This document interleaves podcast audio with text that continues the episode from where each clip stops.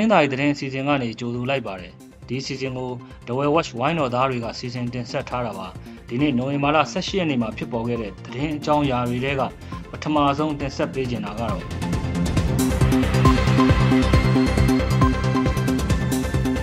တနင်္သာရီမြို့နယ်တိုက်ပွဲမှာပြည်သူ့ကာကွယ်ရေးတပ်သားနှုတ်ကြာဆုံးခဲ့တဲ့သတင်းမှာ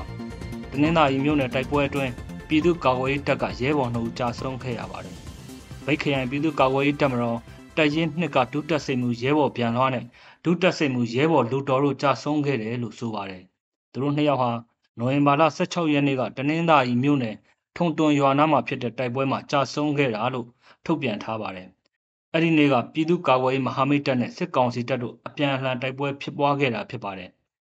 တက်ခံတဲ့အုပ်ချုပ်ရေးမှုအချို့ကိုစစ်ကောင်စီကရဲဗလာစုပေးတဲ့အကြောင်းတင်ဆက်ချင်ပါတယ်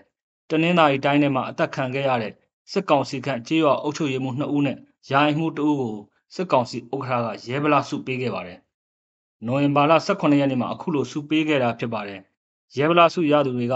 လောင်းလုံးမြို့နယ်မြို့ဟောင်းရွာအုပ်ချုပ်ရေးမှုကျွန်းစုမြို့နယ်ကျွဲခရံရွာအုပ်ချုပ်ရေးမှုနဲ့ဗိမ်းမြို့နယ်တုံးပြောရွာယာယီမှုတို့ဖြစ်ပါတယ်။မြို့ဟောင်းရွာအုပ်ချုပ်ရေးမှုကိုလောင်းလုံးပကပအဖွဲ့ကဧပြီလအတွင်းကရှင်းလင်းခဲ့တာပါ။ကျွဲခရံရွာအုပ်ချုပ်ရေးမှုကစက်တင်ဘာလမှာပြစ်တက်ခံခဲ့ရသလိုတုံးပြောရွာယာယီမှုကတော့ဇူလိုင်လကပြစ်တက်ခံခဲ့ရတာဖြစ်ပါတယ်။ ပြီးခဲ့တဲ့လွတ်လပ်ရေးနေ့ကလည်းပြည်သူ့ကာကွယ်ရေးအဖွဲ့တွေပြစ်တက်တာခံခဲ့ရတဲ့အုပ်ချုပ်ရေးမှုယာယီမှုနဲ့ထွေးအုပ်စည်းရေးပါဝင်12ဦးကိုစစ်ကောင်စီဥက္ကဋ္ဌကအခုလိုစုတွေပေးခဲ့ပါသေးတယ်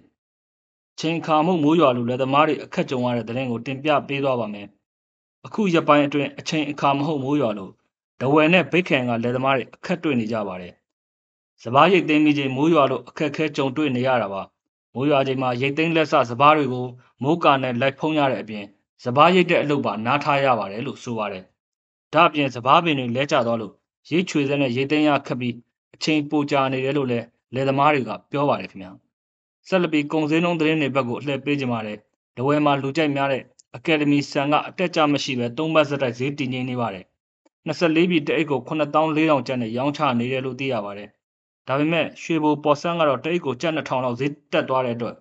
24ပြည်တအိတ်ကို33500ကျပ်ဖြစ်သွားပါပြီ။ ပဲစီဈေးကတော့1000ကျပ်လောက်ဈေးကျလာလို့တပိတ်တာ14600ကျပ်ပဲရှိတော့တယ်လို့ဈေးကွက်အတွင်းကစုံစမ်းသိရှိရပါတယ်။နောက်ဆုံးတစ်ပုတ်အနေနဲ့ဒီနေ့ဘတ်ရွှေဈေးကွက်အခြေအနေကိုတင်ပြခြင်းပါတယ်။ဒဝယ်ဈေးကွက်မှာရွှေနဲ့ဘတ်ငွေဟာအလုတ်ခတ်မရှိဈေးငြိမ်နေပါတယ်။ဒီနေ့ဒဝယ်ဒေသရဲ့ငွေလဲနှုတ်ထားအရထိုင်းငွေတစ်ပတ်ကို80ကျပ်ပေါက်ဈေးရှိနေပါတယ်။အခောက်ရွှေဈေးကလည်းဆက်လက်တည်ငြိမ်နေပြီးတစ်ကြက်သားကို26သိန်း6000ကျပ်နဲ့ဈေးဖွင့်ထားကြောင်းပါခင်ဗျာ။ အခုလိုနားဆင်ပေးတဲ့အတွက်ကျေးဇူးအထူးတင်ရှိပါတယ်မြန်မာနိုင်ငံသူနိုင်ငံသားများကပ်ဘေးအပေါင်းကအများဆုံးလွတ်မြောက်ပါစေလို့ The Well Watch ဝိုင်းတော်သားတွေကစုမှုကောင်းတောင်းလိုက်ပါတယ်ခင်ဗျာ